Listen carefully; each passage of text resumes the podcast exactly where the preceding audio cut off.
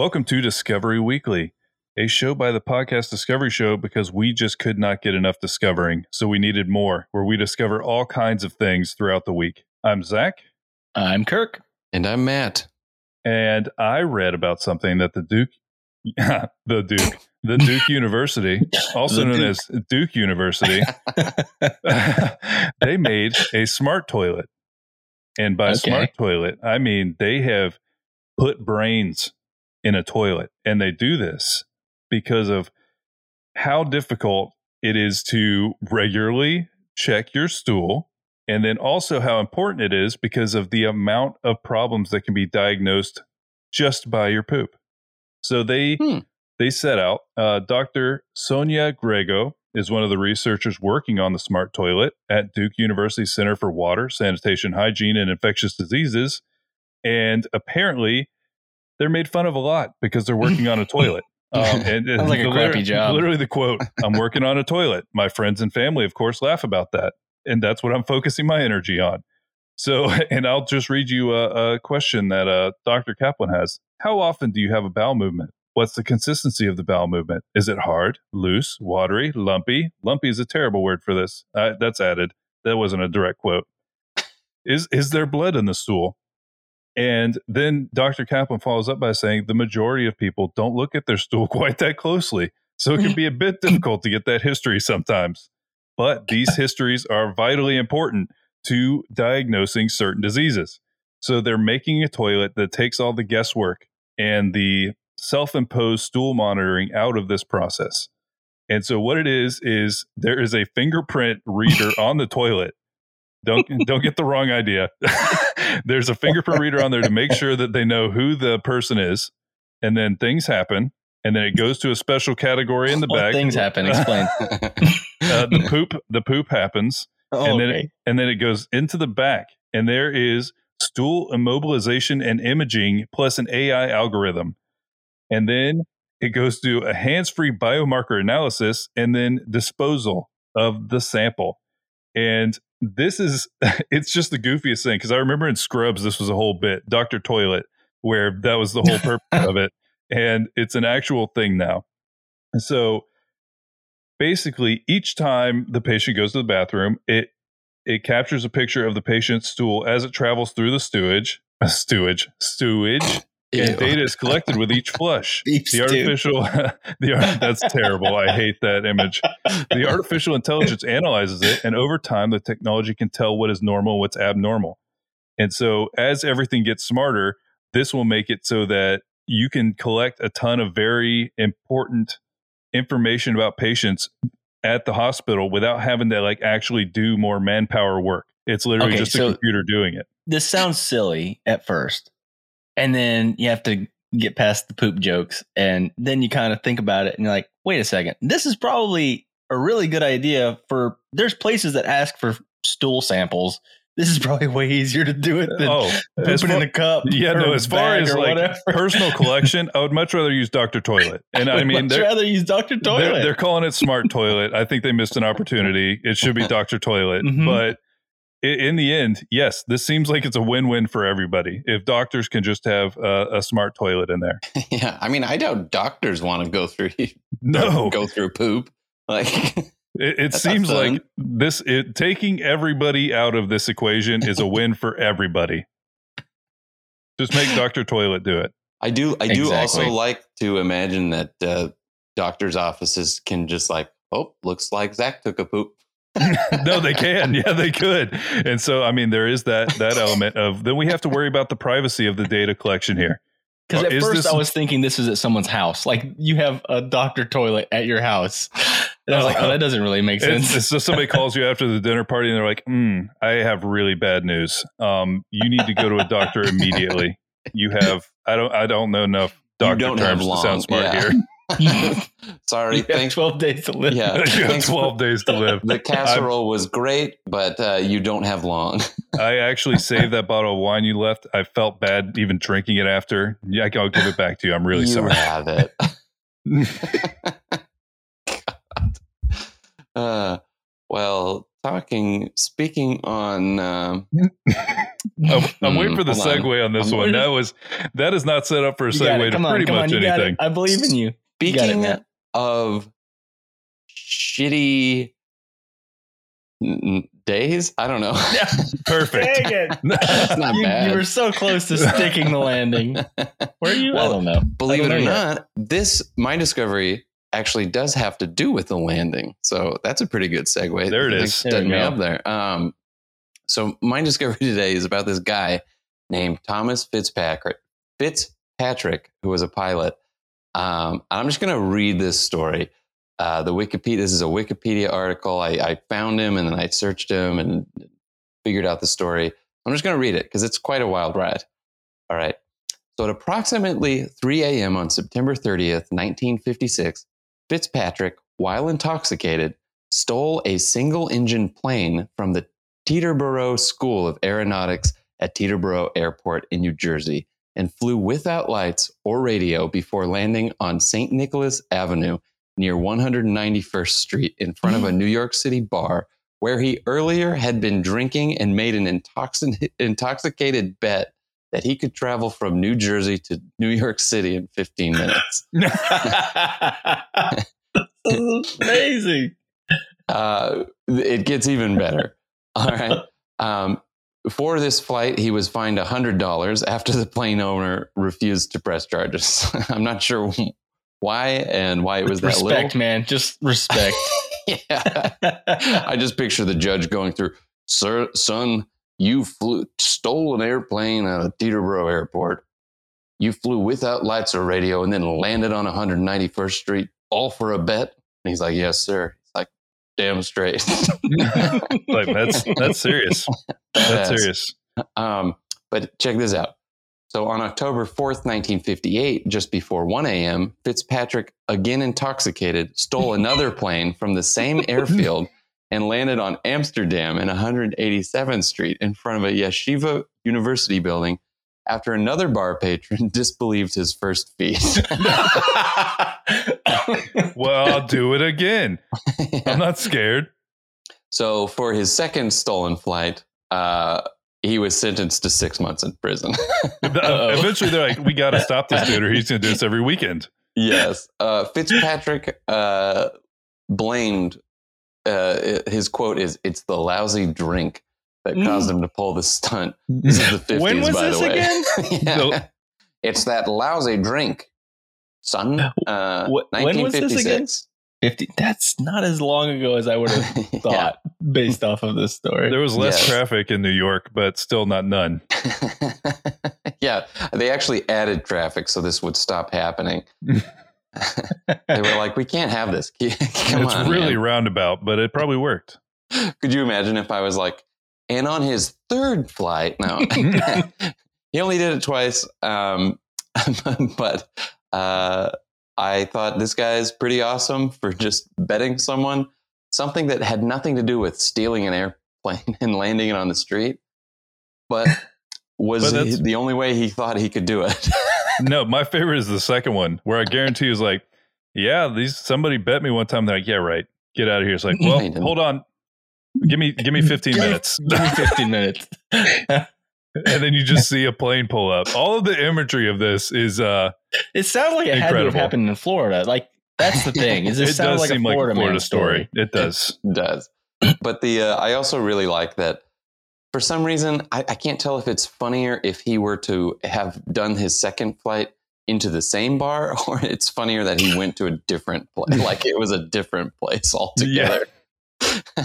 He's like, "Hold on, I'll be right back at both different places." I'll show you idiots. I'm gonna go steal a plane. uh, and uh, that's that's Thomas Fit, Fitzpatrick. Respect, Thomas. Fitzpatrick. So I learned this week about um, BACA, which is Bikers Against Child Abuse. It's it's a fascinating story that I found, and it. I mean, this is a Wikipedia article, but it talks about this organization. It's a charitable worldwide mo- motorcycle organization which is built from biker community members. Their intended purpose is to empower abused children. BACA was founded in 1995 in Utah. The organization states that it exists with the intent to create a safer environment for ch- abused children.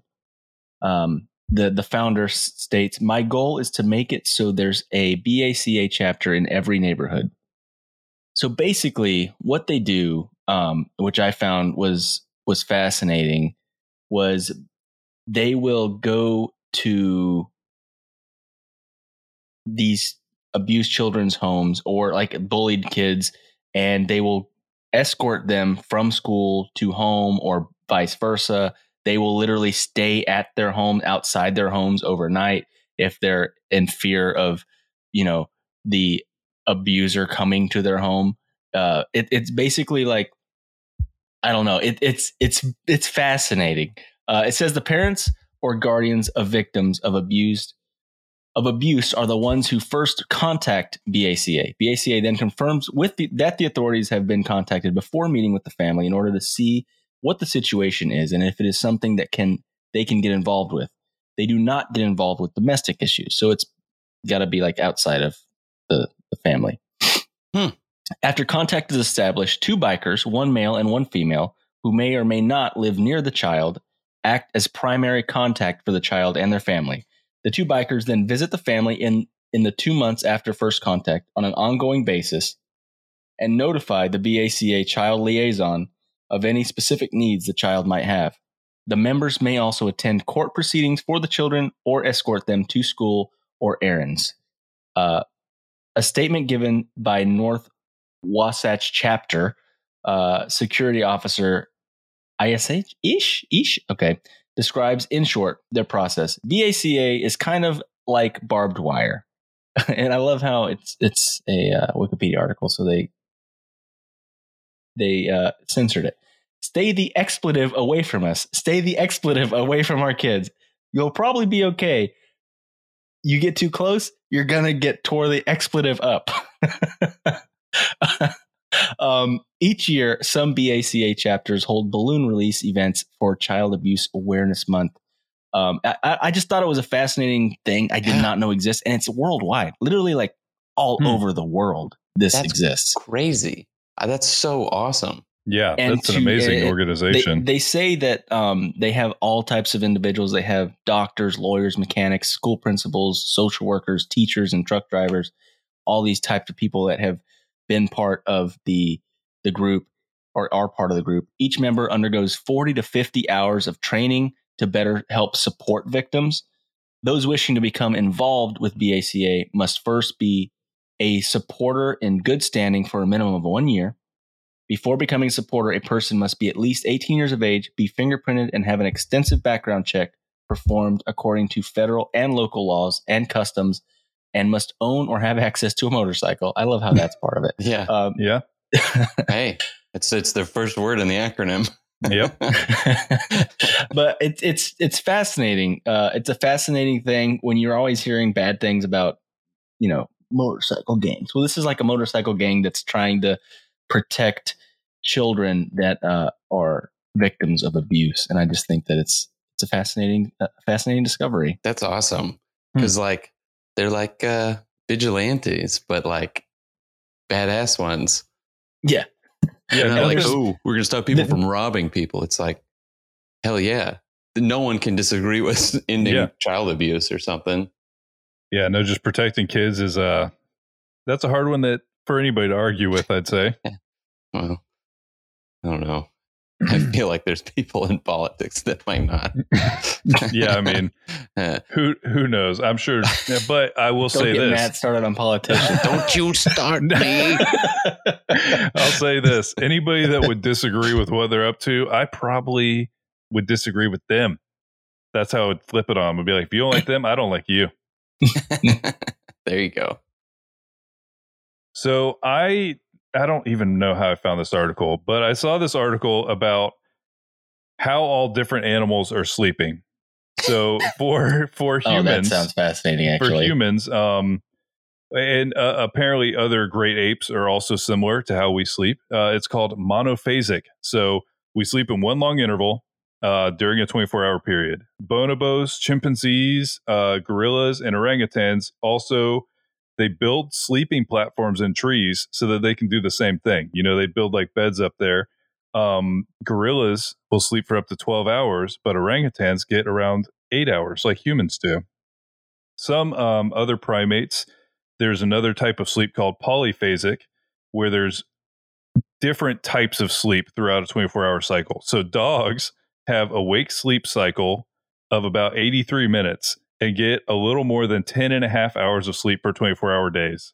And like that's in like hour increments, which is wild. And I mean, they, I've read something where they think that dogs do that because they wanted to get sleep as often as they could, but be able to wake up on a dime.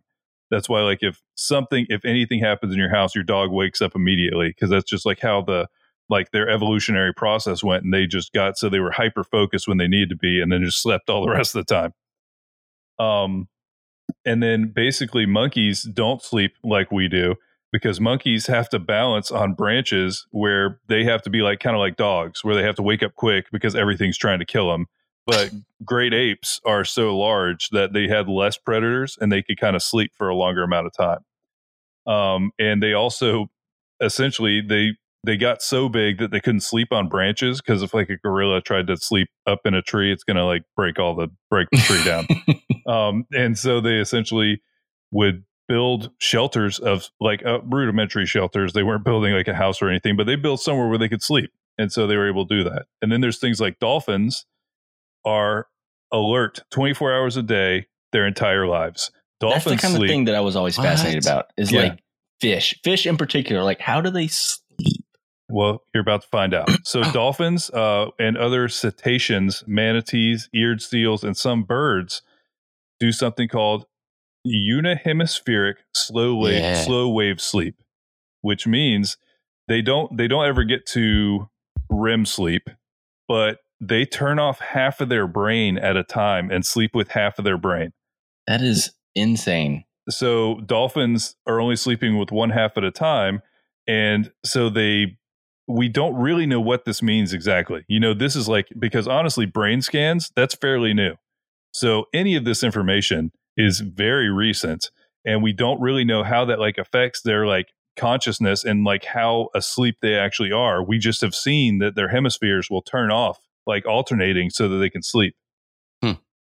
And then also birds can do the same thing um, uh, fr- is it frigate or frigate birds? They fly for months over the ocean. So there's some birds like the albatross that literally will fly for months. And how they sleep, they have regular sleep, and then half the time they'll like use half their brain, and they'll do the half the brain kind because they will feel an air current, and if the air current's pushing them up, they'll take a little nap just because they're like naturally being uh, raised, and so they'll just be like, oh, this is a good time to uh to sleep, and then also like they they're the same type of thing. Anything that's a, a prey animal has to be able to wake up on a dime, so they they sleep differently. But like on land, birds will get twelve hours a day in one minute bursts, What? which is crazy.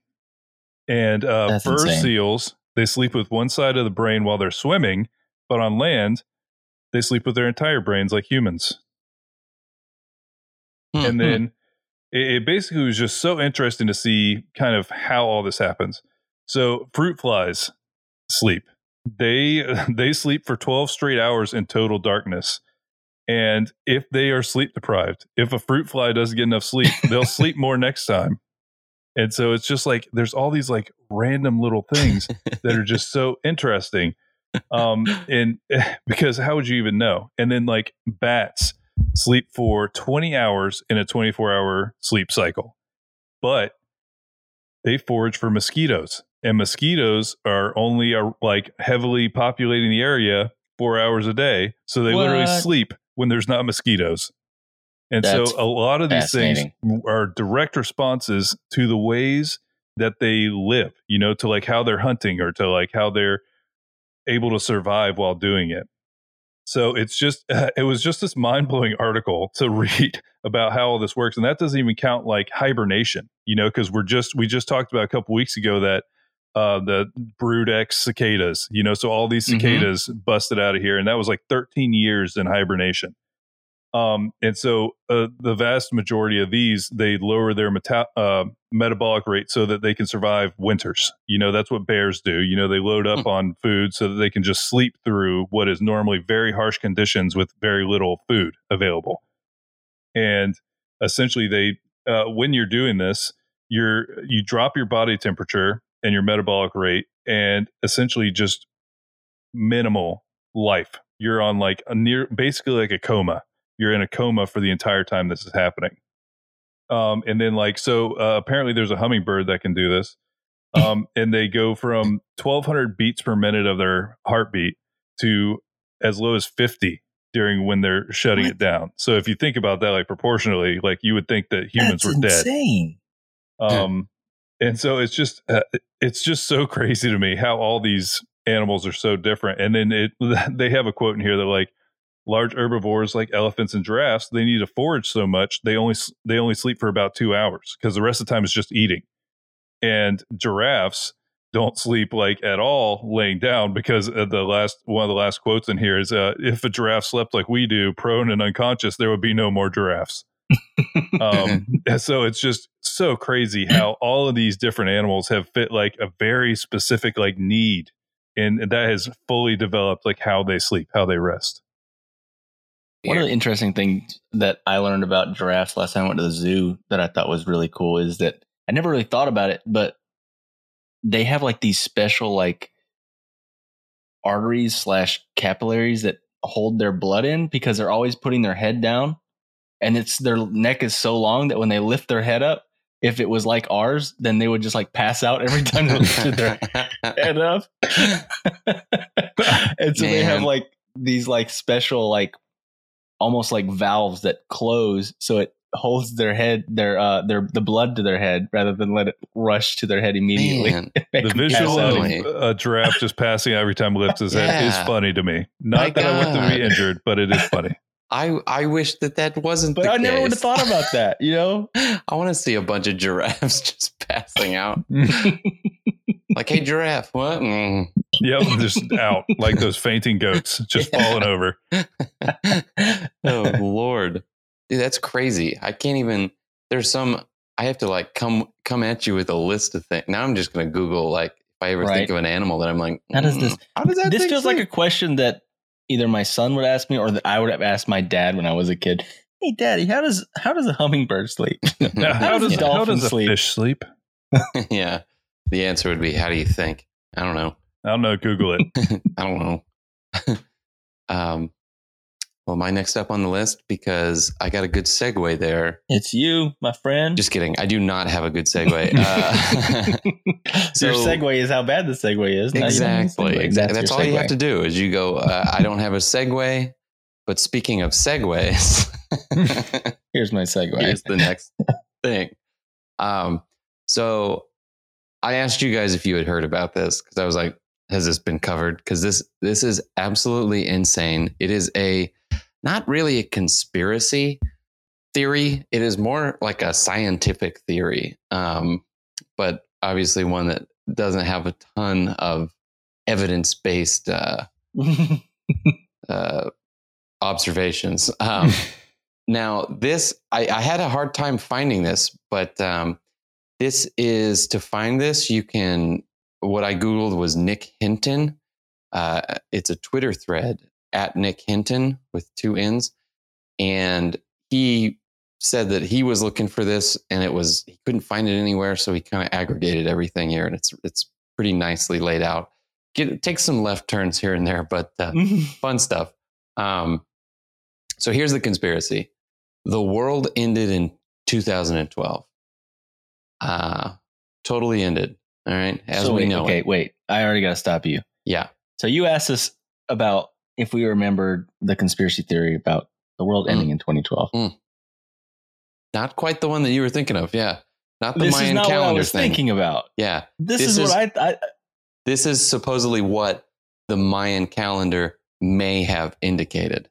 So what Hmm. you're saying is this theory is that the world has ended. The it's world over. Is done. It's, it's done. Okay. It ended 2012. I need to learn more. I need Yeah. I need to learn more now. Go on. This is Proceed. fun. All right, let me get to the I'm so intrigued already. dude. I'm telling you. So he says uh, he can't remember the first time that he heard this theory, but it's become somewhat of a meme. Um, so it's it leapt from like not being taken seriously to taken seriously to not taken seriously. Um, so here it is. Uh, and I'm going to quote him a bunch. So anytime there's an I in there, I don't want anybody to be like, what? Uh, I am not experiencing any of this stuff. so 2012 was the year that scientists at CERN finally found the Higgs boson particle, the particle that Stephen Hawking predicted could destroy the universe, or in his own words, cause the universe to undergo a catastrophic vacuum of decay. So, you guys know that particle hadron collider. Mhm. That's where they fit. That was the year they turned it on and ran the test. Okay. So what By would the happen if we real quick. I found a I Dude. found a new discovery about they use ferrets to clean that thing. Huh? They send ferrets in there. I don't remember what they do, but they like With that's little- what they use to clean that little thing. brooms. That's that's one of my discoveries that I have for the the Facebook group soon. They duct tape sponges on them on all know what they sides. I forget, but it was a fascinating article about how they clean the Hadron Collider. Hmm. collider. I'm gonna have to read that. That's so weird. Okay, so he says that there's this old cliche argument that nothing has felt right since 2012, and he says he admits he. He's I not agree wrong with this. there. Yeah, he says he agrees with this. Maybe that's something to do with growing up and getting older. Yeah. But ever since then, it seems like the world has descended more and more into chaos, and time feels like it's flying. Of course, that's super subjective. Um, he goes on to say that um, there's a cal- calamity happening almost daily, mass shootings and crazy stuff like that. 2012 was really when this crazy mass shooting wave really like took off. Again, these are all little things. But like he said before, he believes that we live in a series of simulations. Perhaps the universe was destroy- destroyed by CERN, and our collective consciousness has moved into a parallel universe next door. Mm. And he says that it would be almost identical to ours that we know. And this is this is where it gets interesting. So you guys have heard about the Mandela effect, right? Mhm. Mhm. so he is saying that this alternate reality uh, theory is what is causing this. So um, the Berenstein Bears, the Berenstain Bears. Uh, some people remember Febreze with two E's rather than one. Some remember Skechers without a T, with a T, J.C. Penney with an E at the end or not. And Nelson Mandela, everyone thought he was dead. I don't Uh, know what it- the right answer to any of those things that you just said are either. I know, right? I It's- think No, that all no of clue. those things are probably uh, things that I probably would think is a Mandela effect. Because yeah, it's wild. So then he says, you know, it came from the Nelson Mandela. Everybody thought that he died in prison in the 80s. And then there was a huge national funeral for him in 2013 when he, uh, and everyone's actually like, died. oh, okay. um, but this is where it gets really creepy, is what he says. Some people remember the Statue of Liberty being in a totally different location, that location being Ellis Island. And it's actually on Liberty Island. And then he goes and shows a picture of here's a painting clearly depicting the statue at Ellis Island with no other islands nearby. He says, Was the artist not paying attention? Did he just like it better this way? I really don't think so. Um, and then he includes the painting, and it is on Ellis Island. And he said, Now, if is not strange enough, if you go to Google Maps Street View, there's a few specific areas of Liberty Island where the Statue of Liberty is just not there. Not there at all. Hmm. Like, and, he, and then he posts pictures. Um, and yeah, it's cut off. I, I gotta say this: conspiracy theories have gotten really stupid and out of hand. I can get behind this I one. miss This was this kind of fun again. conspiracy I miss this kind of conspiracy I miss theory. them so much. It's fun. And and this is all under the the idea that we opened a black hole with the Higgs boson uh, particle and we didn't even notice we're dead. Like it, it, it we're in a different so reality. we're all dead. yeah. Okay. Strangely Um, liberating. Dude, and this go it gets even crazier. Okay, so right so Yodo, you only die once. Yodo, Yodo, well, Yoto, maybe.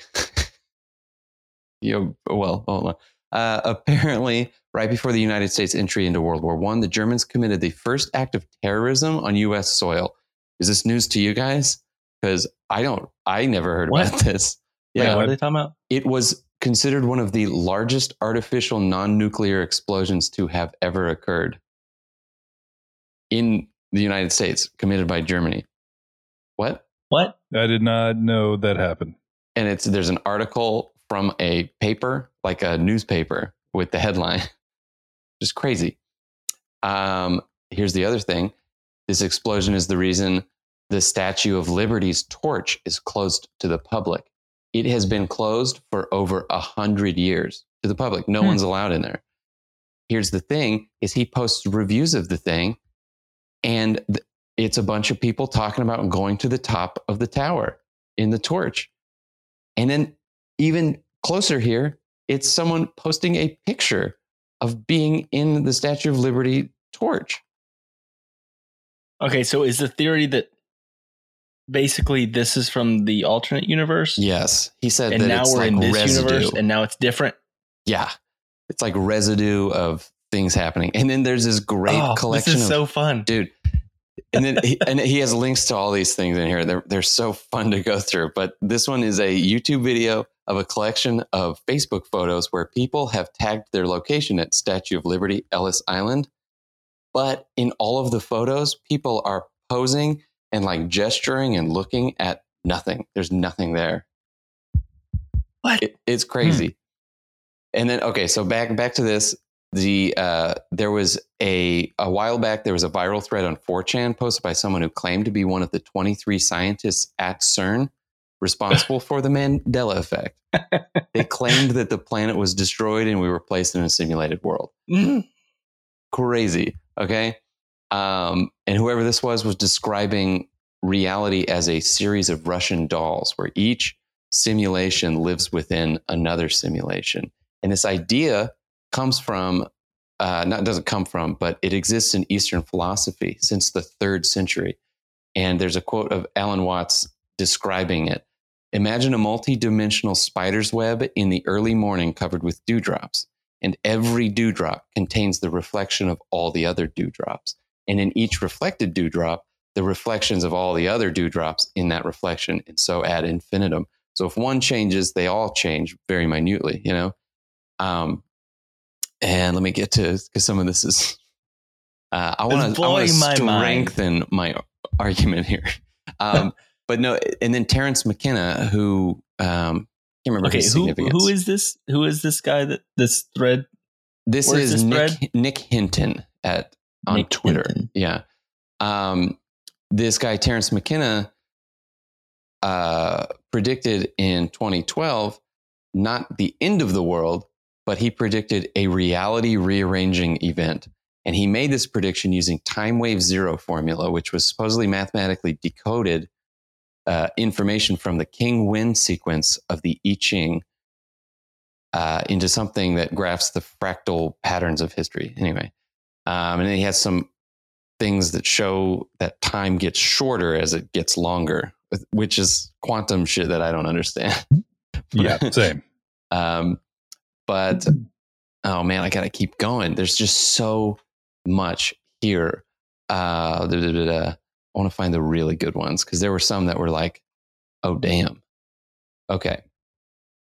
So he talks about the end of history being a time in which human progress stops. Um, uh, Marx, Hegel, Francis Fukuyama. I'm, I'm not sure his significance, um, but but uh, I guess that they're all talking about this event thing happening. 2012 is the end of history, and he, he he admits he said this doesn't have anything to do with time travel or the simulation or anything, but he's talking about now is the end of it. 2012 is the end of history in that sense. Um, and it's just super fascinating. And I just I gotta also preface this with I watched Interstellar the other day for the first time, and I'm sort of like, damn, dude, that's what's up. So he closes out this whole thing with a little summation thing. Perhaps the universe is in a constant cycle of cycle of expanding and contracting, the Big Bang and Big Crunch happening over and over, and our souls are just taking a ride on the cosmic Ferris wheel. Thanks for thanks for reading. It's a Okay, you- crazy thing. You got to send us that link because Uh, yeah, I want to read definitely into that. need 'cause to that dig sounds into all of those. But yeah, no, Um, I, that's one of the best kinds of uh, conspiracy because literally unprovable. Unprovable. It, it- Of it literally, The like best. th- that's what I'm saying is like it, it's based on perception and like it, realities. Like it- it's the whole thing of like, are we in the Matrix? Yeah, who knows? Maybe. No way to tell. Like thing. If you th- if you believe in it, it explains a lot of stuff. It Yeah, makes sure. me feel better because now I get it. You know, like I get why things are so crappy. no, but I, what I like about this is just how detailed they got on like here's all the weird things around it. You know, he Oh. built a whole portfolio And of weird more, stuff. which no, is I know that's why I want that link because I want to look into it. What's super crazy is that he prefaces it all with saying that Stephen Hawking, Stephen Hawking said about the Higgs boson particle that it would destroy our universe. Yeah, no, and it's a that is a great lead. That is a great Right. lead point. I, and of course, I think if you follow that rabbit hole, you get to where it goes. Yeah, Shoot. that's crazy, man. Yeah, I definitely am going to read about that. oh, that's fascinating. It's wacky. All right. So my last discovery, it's, it's a short one. And is this like the new bit that I've got? Is this like a new story from Japan? Because this is what this is again. I just it's just another crazy story from Japan. Ah. Homeless woman lived in a man's closet for a year. Ooh, Um, for a year? yeah. A homeless woman who I don't know who wrote this, but snuck is the right word, right? They keep saying sneaked. Who sneaked? I think Is- is snuck. that right? I think snuck is fine too. I think this is one of those ones that everybody thinks. Yeah, everybody thinks that's not snuck because it sounds leaped. weird. But Yeah. I think I think snuck is fine too. A homeless woman who sneaked into a man's house and lived undetected in his closet for a year was arrested in Japan after he became suspicious when food mysteriously began disappearing. Police found a 58 year old woman Thursday hiding in the top compartment of the man's closet and arrested her for trespassing. Police spokesperson, um, can't pronounce that name, uh, said Friday the resident of the home installed security cameras that transmitted images to his mobile phone after becoming puzzled by food disappearing from his kitchen after the, over the past few months. One of the cameras captured someone moving inside his home Thursday after he had left, and he called police believing it was a burglar. However, when they arrived, they found the door locked and all windows closed. We searched the house, they said, checking everywhere someone could possibly hide. When we slid open the shelf closet, there she was, nervously curled up on her side. Uh, the woman told police that she had no place to live and first sneaked into the man's house about a year ago when he left it unlocked. So she had been living there for a whole year in this guy's closet, and he had no idea. Um, and it even talks about like she would even shower and stuff. Like she just she lived there. That was her home. I I would feel like I was going insane. Like because like you would. I'm sure you saw things being like touched. You're like, did I leave that light on? Like It's like that movie Parasite. yeah, Like- it's exactly Yeah. like Parasite. Jesus. It says uh, she had moved a mattress into the small closet space and apparently even took showers. Um, and they called the woman neat and clean. so she literally Yeah, was it's 'cause she living in this she would guy's house shower for regularly. a year. That Yeah. is crazy. At least she wasn't a slob. Yeah, Yeah. that would have been not fun. it's a very short discovery, but I just thought it was crazy. No, it's wild. funny. Just a just a reminder, everyone at home, just do a quick check. You know, Just do a quick check of the closet. Check all your closets. You never know. check your rooms. You know, check in on them. Yeah, just just take a You look never around. know when there might be a, a six year old lady living up there. you never know. Good What are you gonna do? well, I think that's all of our discoveries for this week. But we hope you catch us again next week, and thanks so much for listening. Thank you guys. We'll talk to you guys next week.